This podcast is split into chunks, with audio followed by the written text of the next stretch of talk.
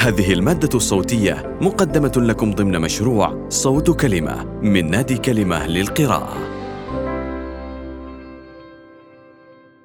مقال بعنوان القوقاز لرشاد بيك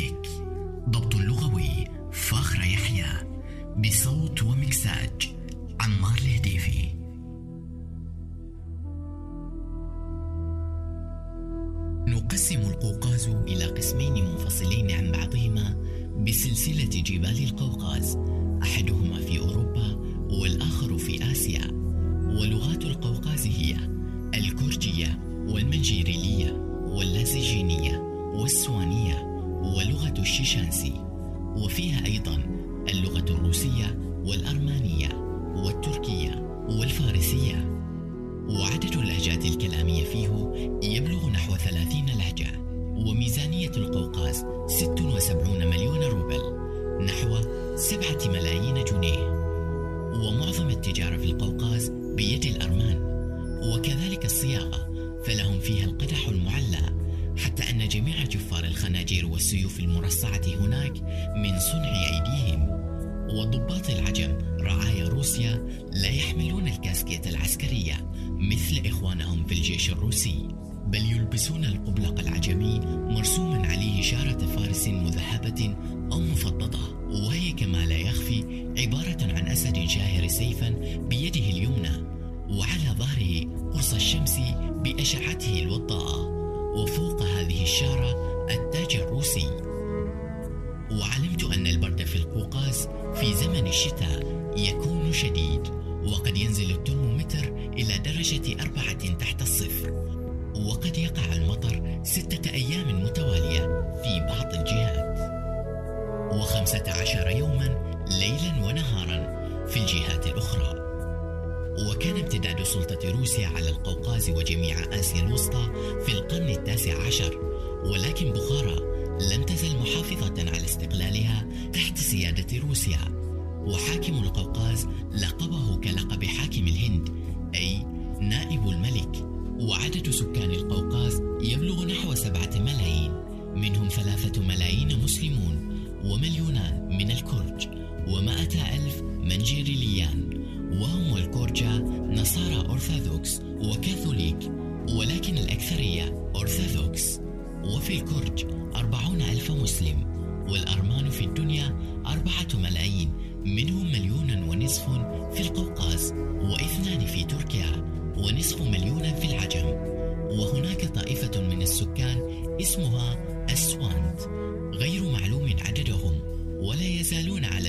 الفطرة حتى أنهم لا يكتسون للآن بجلود الغنم وكلهم أرثوذكس وهم أفقر أهل القوقاز ومن سكان القوقاز أيضا ثلاثة ألف يهودي.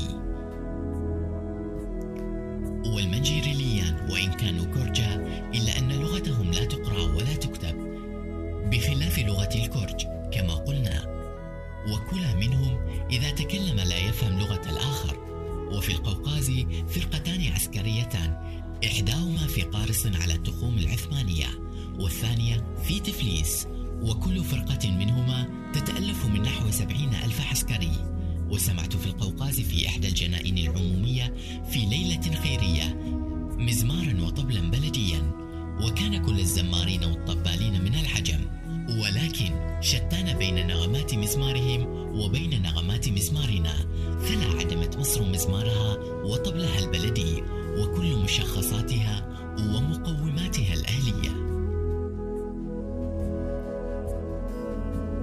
ومن فلادي قفقاز رجعت إلى تفليس بالأوتومبيل ومن تفليس سافرت في السكة الحديدية إلى باكو فوصلتها بعد 14 ساعة وهي مدينة واقعة على بحر الخزر وكانت تابعة للعجم ولكنها الآن ملك روسيا.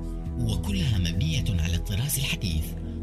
وشوارعها منتظمة وفيها النور الكهربائي وهواؤها ردي وحرها أشد من حر تفليس. والسبب في ذلك وجود آبار النفط على بعد نصف ساعة منها. وهذه الآبار وإن كانت تنفجر منها ينابيع الثروة وتفيض على أهل البلد النضار إلا أنها جعلت الطقس في الصيف لا يطاق. ولو أن المدينة على شاطئ البحر وعلى هذا الشاطئ رصيف طويل عريض كله بالإسفلت يسمونه البولفار يقصده الناس من بعد العصر ويشتد فيه الزحام ليلا وفيه تصدح الموسيقى العسكرية وكله يضاء بالنور الكهربائي وبالقرب منه جنينة البلدية. وتعد باكو عاصمة مملكة البترول والآبار الموجودة فيها وفي عشر فرستا تبلغ مائة بئر ومنها يخرج أكثر من نصف الجاز الذي يباع في أسواق الدنيا كلها. وفي باكو جملة فنادق أشهرها فندق أوروبا. وكان بأرباض باكو هيكل قديم لعبادة النيران اسمه زوراستار ولكنه قد تهدم الآن وتصدعت منه الجدران ولم يبقى سوى أطلالا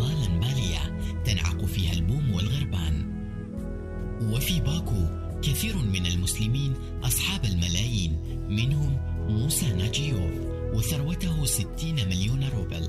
ستة ملايين جنيه. وقد مات. والحاج زين العابدين تقيوف خمسين مليونا. ومرزا عليوف شرحة. والشيخ علي داداشوف ثلاثين مليون. ومختاروف خمسة وعشرين مليون. وكان تقيوف في أول أمره شيالا. وهو لا يعرف للآن سوى كتابة اسمه. وعمره اثنتان وسبعون سنة وله أبورات في البحر وبنوكات وفرويقات. ومآثره على قومه لا تعد ولا تحصى. فكم أقام لهم المستشفيات وأنشأ المدارس لتعليم البنين والبنات؟ وله غير ذلك من الأعمال الخيرية ما خلد اسمه وعطر بذكره المحافل والمنتديات. وبعد أن كان لا يملك شيئا من حطام الدنيا أصبح الآن صاحب خمسة ملايين من الجنيهات. وصار يأمر وينهي ويحل ويعقد ويتصدر في المجالس والمجتمعات. وإذا العناية لاحظت عبد الشرى نفذت على ساداته أحكامه. وفي باكو أغنياء من الأرماني منهم كوكوساف ثروته ثمانون مليونا. ومانتا البترول في باطوم وقد مات. وعدد سكان باكو مائتي ألف نفس منهم مائة ألف مسلم وخمسون ألف أرمي وخمسة عشر ألف كرجي وخمسة عشر ألف يهودي والباقي من أجناس أخرى.